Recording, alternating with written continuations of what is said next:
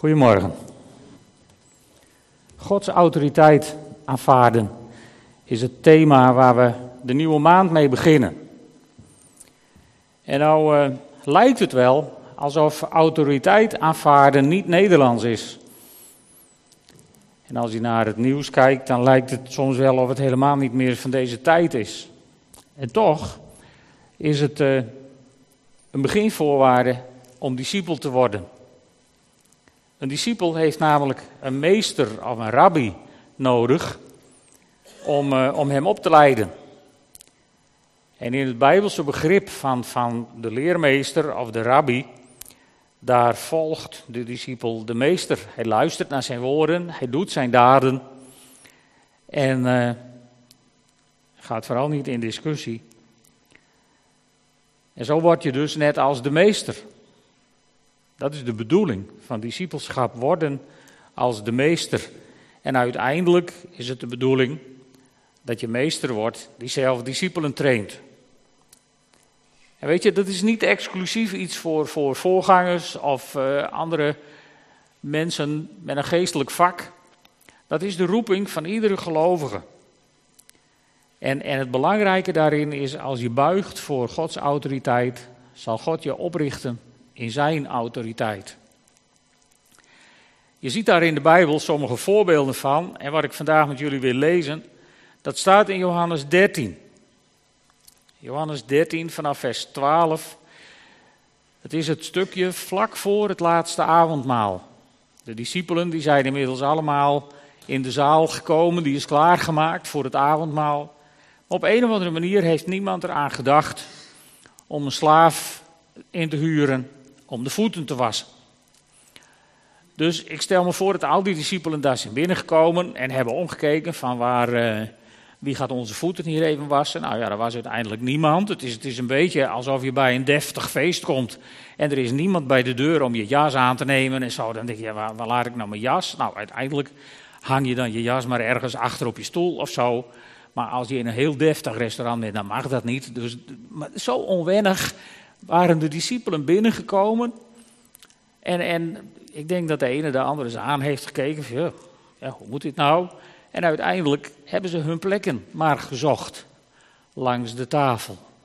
Want niemand haalde het in zijn hoofd om de voeten te wassen. Tot Jezus binnenkwam. En die kijkt om. En het is typisch Jezus. Hij signaleert een probleem en dat probleem, daar gaat hij wat mee doen.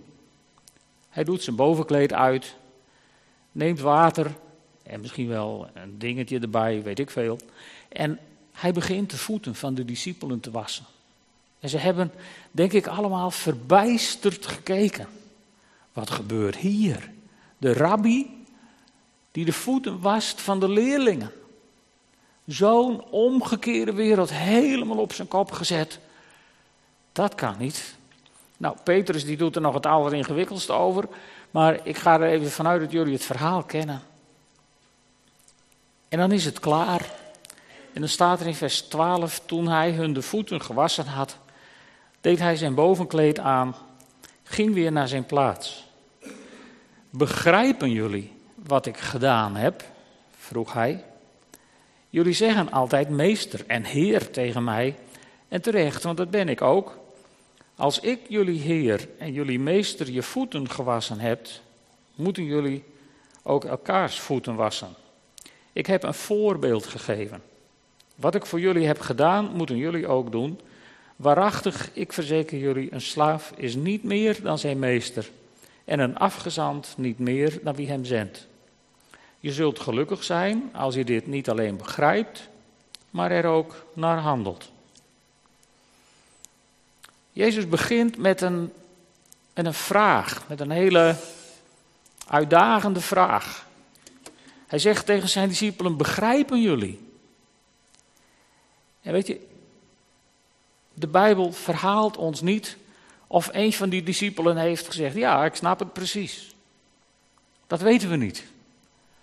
Maar het is wel een vraag die ook op ons toekomt. Als je de Bijbel leest en, en, en, en sommige dingen leest, sommige verhalen, sommige. Begrijp je dan wat er staat. Begrijp je God altijd? Soms kom je mensen tegen die denken of beweren dat ze God helemaal begrijpen. Een beetje eng bijna. Maar mijn ervaring is hoe, hoe, meer hoe langer je met God leeft, hoe meer je met Hem onderweg bent, hoe minder je Hem begrijpt. En uh, kort geleden waren we in de evangelische boekwinkel en daar vond ik een boek van Christopher Wright. Christopher Wright is de schrijver van het boek over onze Bijbelse missie, waar we vorig jaar het jaarthema uit hebben afgeleid. En die heeft een boek geschreven, De God die ik niet begrijp. En dan moet je weten dat eh, op het evangelische erf Christopher Wright eigenlijk de toonaangevende theoloog is van, van de Engelstalige wereld momenteel. Als die een boek schrijft over de God die ik niet begrijp, het zou een beetje net zo overkomen als het oude heel nu een boek zou gaan schrijven over de God die ik niet begrijp in Nederland. Dan zouden we denken, nou, moet hij het ons dan leren? Maar weet je, je begrijpt God niet altijd.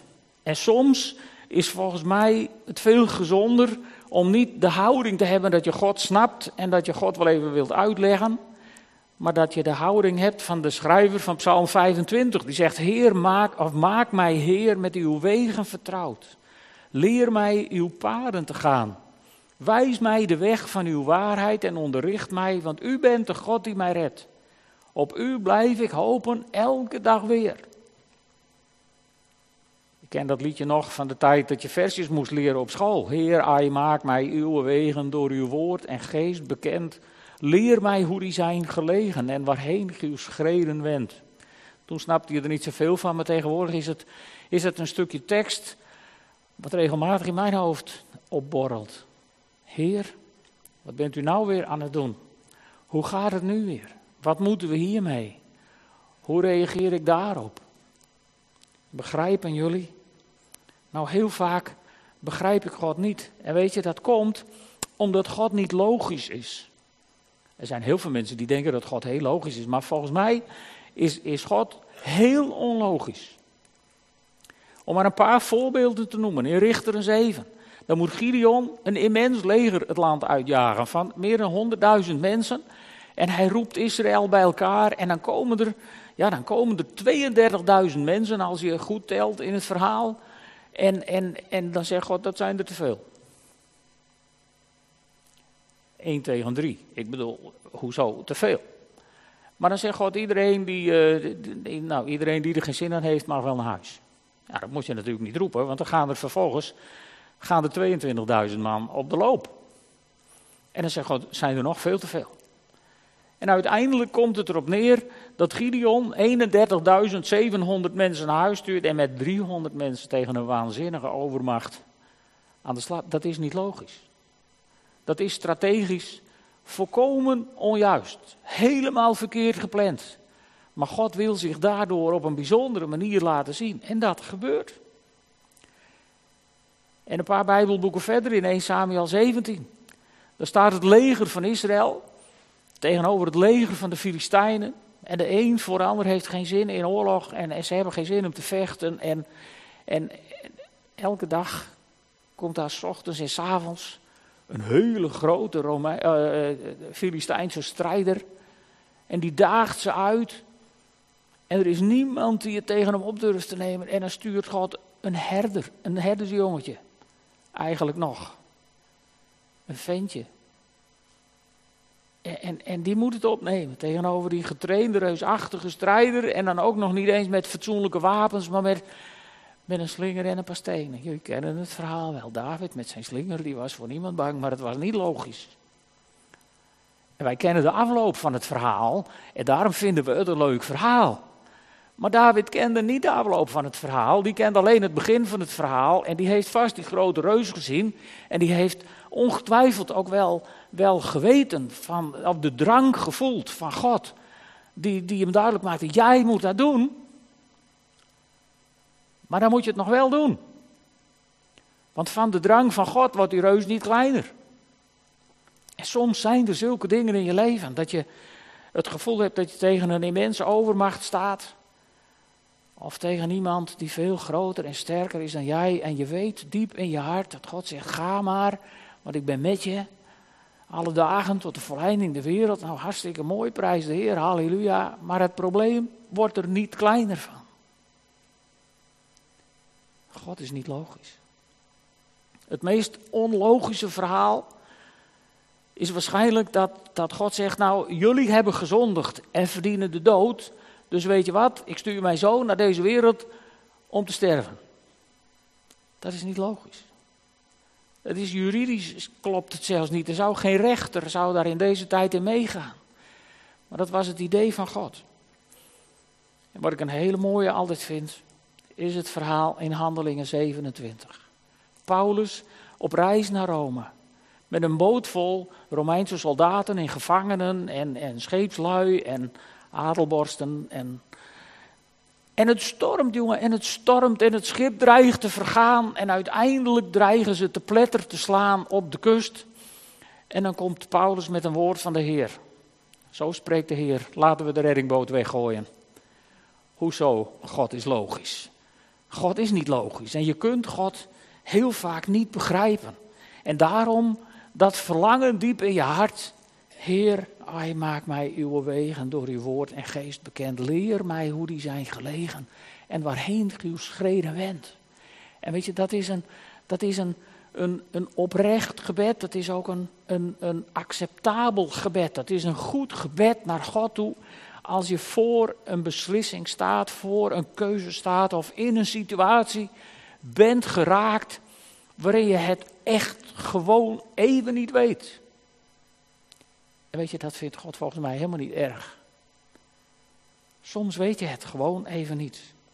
En dan kom je er met gewone logica, kom je er ook niet uit. Kom je ook niet verder. Maar God wil ons helpen. Die heeft ons de begrijpassistent gegeven. De Heilige Geest. En wat zegt Jezus zelf over de Heilige Geest voordat hij komt? Jezus zegt, later zal de pleitbezorger, de Heilige Geest, die de Vader jullie namens mij zal zenden, jullie alles duidelijk maken en alles in herinnering brengen wat ik tegen jullie gezegd heb. En in Johannes 16, vers 13, de geest van de waarheid zal jullie, wanneer hij komt, de weg wijzen naar de volle waarheid. Met andere woorden, je kunt de Bijbel bestuderen tot je een ons weegt. Je kunt hele stukken uit je hoofd leren. Maar als de Heilige Geest je af en toe niet tot inzicht brengt wat God wil, dan kom je niet tot de volle waarheid. Met andere woorden nog een keer van, van ik denk als er mensen zijn die, die de houding hebben of beweren dat ze God helemaal begrijpen, dat ze God als het ware in hun binnenzaak hebben en overal een pasklaar antwoord op hebben. Of dat wel klopt.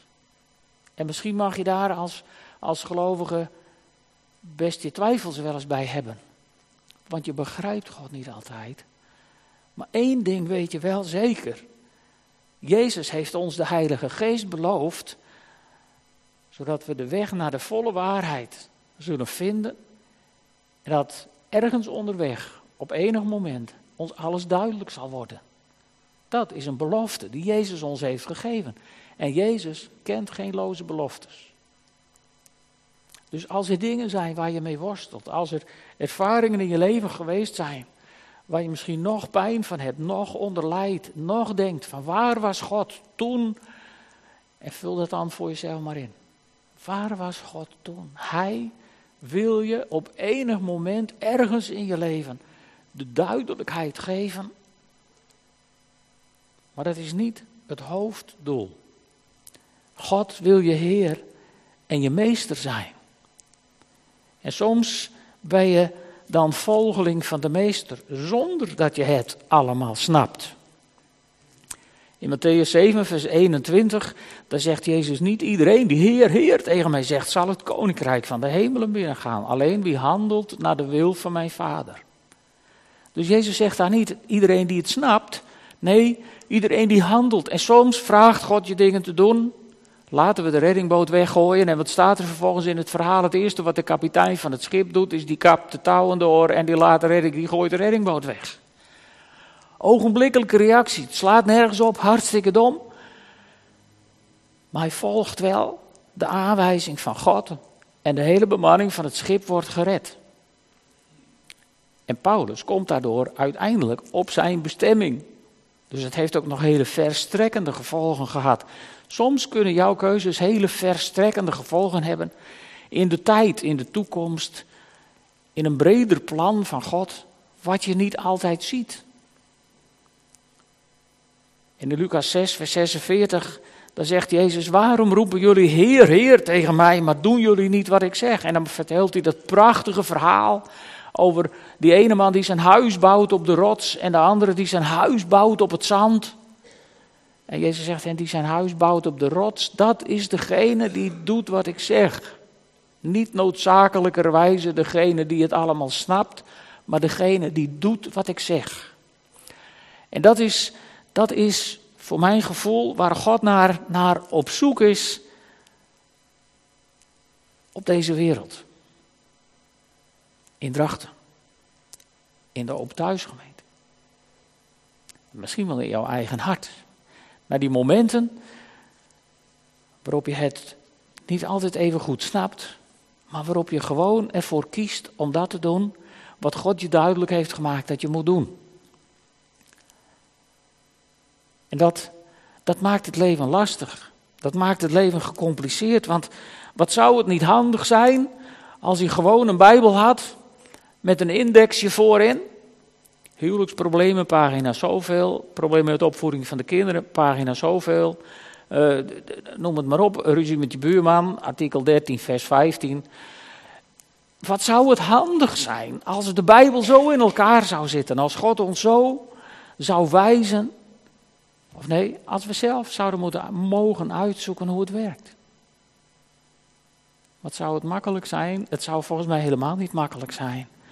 Het zou de wereld in een hel veranderen, zoals de wereld in het oosten momenteel in een hel wordt veranderd. Want daar zijn mensen die geloven dat hun heilig boek zo werkt. Voor elke oplossing is er een plekje. Is er een antwoord. En als iemand het niet eens met het antwoord is, die maak je gewoon van kant. Dat leidt ertoe dat je het uiteindelijk allemaal met elkaar eens bent. Die er nog over zijn tenminste. En zo moeten wij als christenen niet willen worden. Ik heb vroeger eens een discussie met iemand gehad over genezing. En begrijp mij goed, ik geloof heilig in genezing op gebed. En ik heb God beloofd, ook al zal ik het niet zien, ik blijf bidden voor mensen die ziek zijn. En ik blijf mensen de handen opleggen die daarom vragen. En daarom is er ook straks na het avondmaal gelegenheid om voor u te laten bidden. Er zullen mensen voor u staan om u daarin te dienen. Niet omdat ze van het resultaat verzekerd zijn, maar omdat ze bereid zijn gehoorzaam te zijn aan die opdracht van God.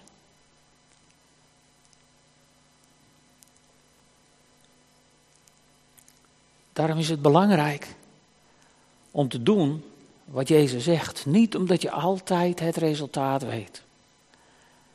Wat wou ik zeggen? Ik was, was eens met iemand in gesprek over een gemeente waar ze ook heilig geloofden in gebed voor zieken. Alleen daar hadden ze God logisch verklaard. En gezegd, iedereen voor wie gebeden wordt, wordt genezen. Want zo stond het volgens hun in de Bijbel. En toen ik even doorpraatte en op een gegeven moment vroeg, maar wat doen jullie dan met mensen die niet genezen worden? Die zijn er niet meer, die hebben allemaal een andere gemeente gezocht. Ja, dan ben je het ook allemaal met elkaar eens, als je het zo regelt. God is niet logisch. Wij moeten niet altijd proberen God te begrijpen. Maar soms moeten we God gewoon bidden om het lef om gehoorzaam te zijn. En ik kan jullie uit eigen ervaring vertellen dat dat soms een bloedlinkgebed is. Maar het maakt je leven wel rijk. Het maakt je leven mooi. Het, het, het brengt als het ware dat wat, wat Jezus in het laatste vers zei. Je zult gelukkig zijn als je dit niet alleen begrijpt, maar er ook naar handelt. Nou, ik heb af en toe ook gehandeld terwijl ik het nog niet begreep. Maar dat komt dan soms ook later wel weer. Heer en meester. Jezus wil je Heer en meester zijn. ik heb het wel eens vaker uitgelegd Dat betekende in de tijd waarin Jezus deze woorden sprak, betekende dat nogal wat. Dat kennen wij niet meer. Wij, wij, wij roepen, net zoals de mensen die, die Jezus hier noemt, soms roepen wij nogal makkelijk, Heer, Heer. Maar als je in de tijd van Jezus iemand erkende als jouw Heer, en dan ook nog als je meester, dan was je met huid en haar aan hem overgeleverd. Dan bepaalde hij hoe laat morgens je dag begon, hoe laat hij s'avonds eindigde, wat je tussendoor allemaal wel deed en wat je niet deed. Of je wel at en of je niet at. En alles wat verder in een mensenleven van beschikking is, dat lag allemaal in de handen van degene die hij Heer en Meester had genoemd. En soms vraag ik me af of wij nog wel zo met God om durven te gaan.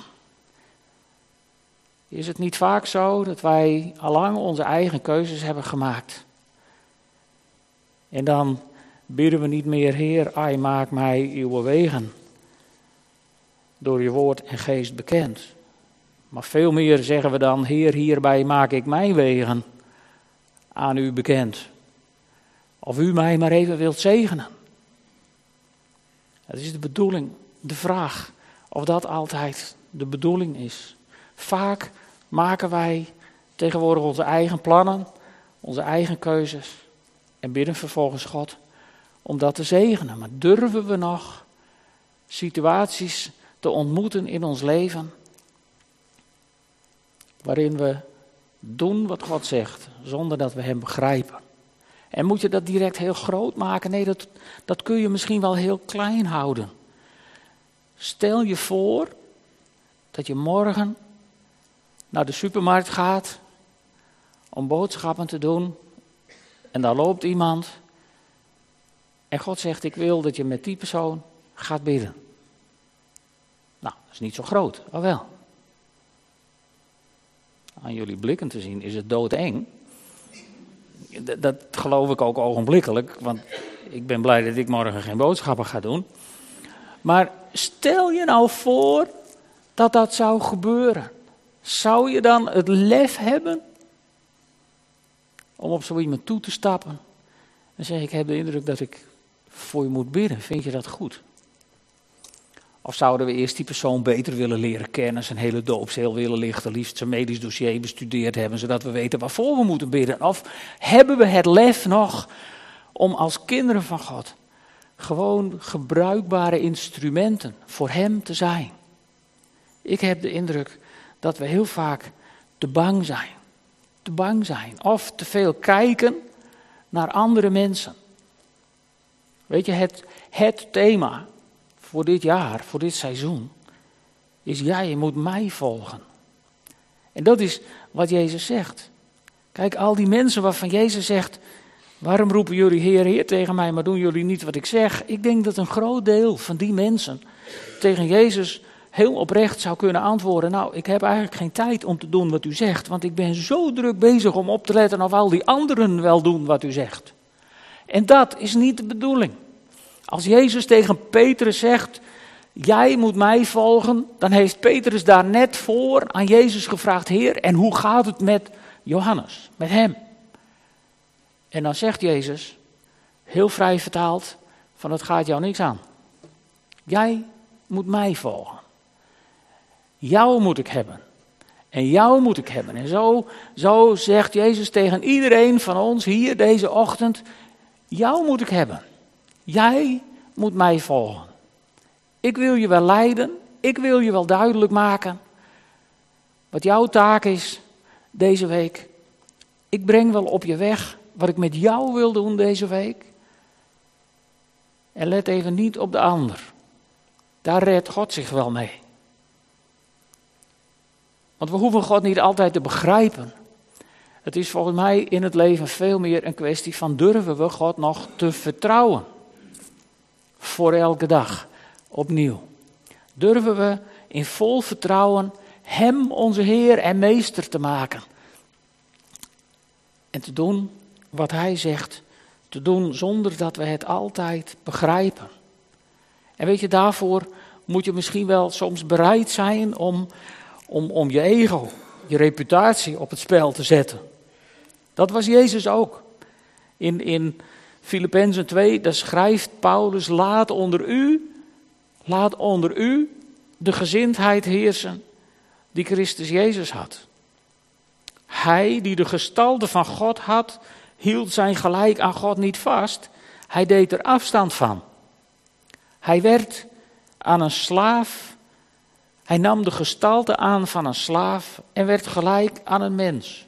En als mens verschenen heeft hij zich vernederd en werd gehoorzaam tot in de, tot in de dood, de dood aan het kruis. Jezus ging de diepste weg. Hij heeft zich vernederd en, en juist, juist op die avond van het laatste avondmaal heeft hij zich misschien wel ten diepste vernederd voor zijn eigen leerlingen door hun de voeten te wassen. Want wij kennen dit gebruik niet, maar het, het was zo het alleruiterste van wat je hoorde te doen. Het was zo ver de diepte in. Dat kunnen wij ons waarschijnlijk niet eens voorstellen hoe dit is geweest. En Paulus schrijft ons dat we die gezindheid van Christus moeten hebben. En wat ik zo mooi vind in dit verhaal is dat Jezus dan zegt: Ik heb jullie een voorbeeld gegeven. Een voorbeeld. Dus voeten wassen, dat kan, in sommige kerken is dat heel populair geworden, om elkaar ritueel de voeten te wassen. Maar weet je, volgens mij heeft Jezus hier niks ritueels bedoeld. Als hij een rituele voetwassing voor ogen had gehad op de avond van het laatste avondmaal, dan had hij een ander de eer gegund en dan had hij zelf een dweil en een sopje gehaald om naar het uit de vloer te dweilen. Dat is namelijk waar het om gaat. Daarom vraagt Jezus ook: begrijpen jullie het wel? Ik las een commentaar van, van Johannes Calvijn over het wassen van de voeten. En dat was natuurlijk in die tijd waarin, waarin iedereen gewoon de pest had aan Rome. En, en het was een andere tijd, dat weet ik wel. Maar hij schrijft daar over de voetwassing. De paus wast één keer per jaar de voeten van twaalf uitgezochte armen. En hij zegt, en na die voetwassing van die twaalf mensen gaat de paus over tot het vervolgen van ketters. En die worden op dezelfde dag in de naam van de paus op de brandstapel gezet. Hoezo? Navolging van Christus. Goed. Hij haalt nogal hard uit. En dat moeten wij vandaag niet meer doen. Maar het is wel duidelijk, vond ik, de boodschap die hij eruit haalde: van het gaat er niet om dat je letterlijk elkaar de voeten gaat wassen. Het gaat erom dat je bereid bent de ander te dienen. Het gaat erom in dit verhaal dat je bereid bent ook de ander te vergeven. Misschien zul je zeggen, wat heeft dat nou weer met het wassen van voeten te maken? Dat heeft alles met het wassen van voeten te maken. Maar als iemand jou wat aandoet wat heel vervelend is, dan, dan, dan heb jij daar wel last van.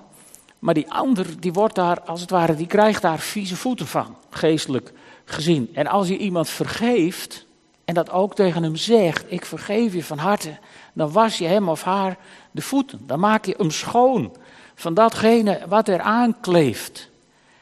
En als er ergens een klusje moet gebeuren waarvoor iedereen de neus moet ophalen, dan, of ophaalt, dan mag je heel letterlijk, net als Jezus, je net een Colbert misschien even uittrekken en zeggen van nou, zal ik dat even doen? Kan ik even helpen? Dat is wat Jezus ten diepste deed. Hij stelde niet een nieuw kerkelijk ritueel in, maar hij toonde een houding van de onderste weg willen gaan om te zorgen dat het allemaal goed kwam. En zo kwam het uiteindelijk allemaal goed. En dan zegt Jezus, die prachtige woorden die ik zo net ook al noemde, je zult gelukkig zijn als je dit niet alleen begrijpt, maar er ook naar handelt. En dan zijn we terug bij die andere teksten die we gezien hebben. Het gaat er niet om dat je Heer, Heer roept en niet doet wat hij zegt. Het gaat erom dat je begrijpt wat hij zegt. En misschien niet snapt wat de consequenties zijn. Misschien ook wel niet snapt waarom hij het op dat moment in jouw leven zo duidelijk onder je aandacht brengt. Maar dat je er ook naar handelt. Weet je, de Bijbel staat vol over doen. En heel vaak gaat het daar ook over. Ook in het verhaal van de schapen en de bokken, dat kennen jullie waarschijnlijk ook wel uit Matthäus Keys Green, heeft dat prachtig op muziek gezet. En als hij dan klaar is met dat stuk, dan zegt hij aan het eind: Het verschil tussen de schapen en de bokken was dus wat ze wel of niet deden. Daar draaide het om. En hoe pleit ik niet voor goede werken? Begrijp me goed. Maar waar ik voor pleit is dat we Jezus leren zoeken, dat we God leren zoeken, dat we de stem van de Heilige Geest in ons binnenste nieuw leren verstaan, dat we de stilte durven in te gaan om naar Hem te luisteren, met de intentie in ons hart om vervolgens ook te doen wat we hebben gehoord. En ik denk dat God heel vaak naar ons hart kijkt en als hij de intentie niet vindt om gewoon te doen wat ons gezegd wordt, wordt het heel stil rondom de Heilige Geest. Wij willen heel vaak God wel horen. En het lijkt ons geweldig om zijn stem te verstaan. Maar als God in je hart ziet dat je toch niet van plan bent om het te doen, zul je heel vaak zijn stem niet verstaan. En dat heeft dan weer met toewijding te maken, met het opnieuw Jezus Christus kiezen als jouw Heer en Meester. En als we dat leren, Jezus te volgen als Heer en Meester, ons te buigen voor Zijn autoriteit, zal Hij ons oprichten in Zijn autoriteit. En wat betekent dat? Als we in Zijn autoriteit staan, dan zullen we zien dat er zieken genezen waar we voor bidden. Dan zul je zien dat soms demonen de wijk voor je nemen. En soms ook niet, want God is niet logisch. En ik snap dat nog steeds niet. Maar het hoeft ook niet. God is op zoek naar mensen die willen. Niet naar mensen die willen weten, niet naar mensen die willen begrijpen, maar naar mensen die willen doen. En dan zul je gelukkig worden, zegt Jezus. En weet je, na dat Jezus zo zich had vernederd en dit aan zijn discipelen had uitgelegd en nog veel meer dingen met ze had besproken en ze had geleerd hoe het zou gaan, toen deed hij het meest onlogische wat God ooit in de tijd heeft gedaan. Toen ging hij naar de hof van Gethsemane en daar bad hij die woorden, niet mijn wil, maar uw wil geschieden. Nadat hij in die beker had gekeken. Hij had in de beker gekeken en hij zei, Heer, neem die beker van mij. Maar niet wat u wilt. Of niet wat ik wil, maar wat u wil. Hij had in die beker gekeken. En hij had gezien hoe onlogisch het was. Wat er zou moeten gebeuren en hoe erg het zou worden. En vervolgens gaf hij zijn leven. Voor jou en voor mij. Opdat wij straks rein en oprecht, rechtvaardig verklaard voor de troon van God zullen kunnen staan. Onlogischer is het nooit weer geworden in de geschiedenis. En die daad mogen we vanmorgen gedenken in brood en in wijn. Zullen we een moment samen bidden? Vader in de hemel, vergeef ons die momenten waarop we dachten nu te snappen en het wel even uit te leggen. Heren, en, en geef ons aan de andere kant de genade. Maak ons uw wegen door uw woord en geest bekend. Leer ons hoe die zijn gelegen en waarheen uw schreden wendt. Heer, zodat we daar mogen zijn waar, waar u bent. Daar mogen heen gaan waar u heen wilt. En heren, u hebt ons een prachtig teken nagelaten. Voor het geval de moed ons in de schoenen zinkt. En we het misschien even niet meer weten. Heren, zo liet u onze tekenen na van brood en wijn. Het brood als teken van uw gebroken lichaam, wat voor ons werd gegeven en de wijn als teken van uw bloed, wat voor ons heeft gevloeid tot vergeving van al onze zonden. Heer, hoe bijzonder. Geef ons deze ochtend uw Heilige Geest, zodat we in ons hart iets zullen begrijpen van het kostbare van deze viering. Heere, zo zegen ik het brood En zo zegen ik de wijn in de naam van Jezus. Daal neer, Heer, met uw Heilige Geest. Raak onze harten aan. En laat ons voelen wat u voelt. Laat er genezing uitgaan, Heer, van uw aanwezigheid in deze symbolen. Dat bid ik van u. In Jezus' naam. Amen.